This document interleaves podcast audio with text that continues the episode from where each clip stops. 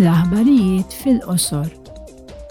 Fil-ftuħ tas-sessjoni plenarja fi Strasburgu nhar it-Tnejn, il-President tal-Parlament Ewropew, Roberta Metsola, għamlet dikjarazzjoni dwar l-investigazzjonijiet li qed jitwettqu bħalissa mill-awtoritajiet Belġani.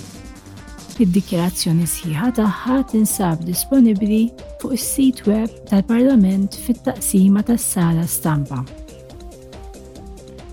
Għada, f'dibattitu mal-Kummissjoni u l-Presidenza ċeka, il-membri tal-Parlament Ewropew se jelenkaw id-domandi u l-aspettattivi tagħhom għas-Summit tal-Unjoni Ewropea tal-15 ta' Diċembru.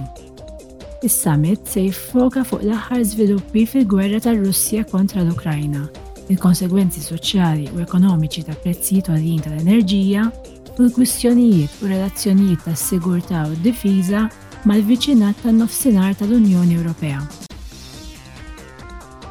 Għada wkoll, il-President tal-Parlament Ewropew Roberta Metsola se tagħti l-Premju Sakharov għal-Libertà tal-Ħsieb 2022 lill-poplu kuraġġuż Ukren.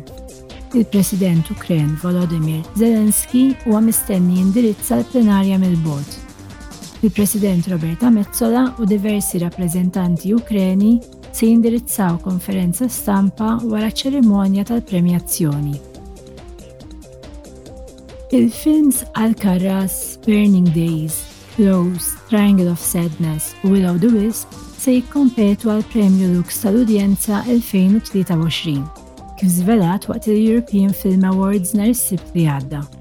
Iċ-ċittadini tal-Unjoni Ewropea li jmorru jaraw il-films jistgħu jikklassifikawhom b'massimu ta' ħames stilel.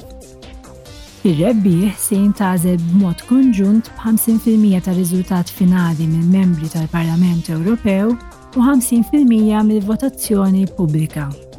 Il-film rebbieħ se jitħabbar f'nofs Ġunju waqt sessjoni plenarja tal-Parlament Ewropew fi Strasburgu.